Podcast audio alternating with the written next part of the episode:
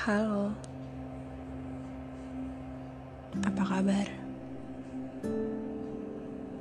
Ya, semoga baik-baik aja ya.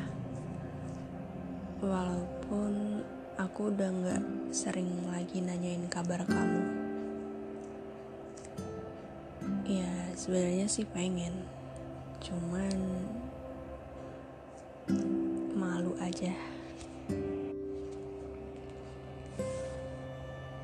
Malu karena kayaknya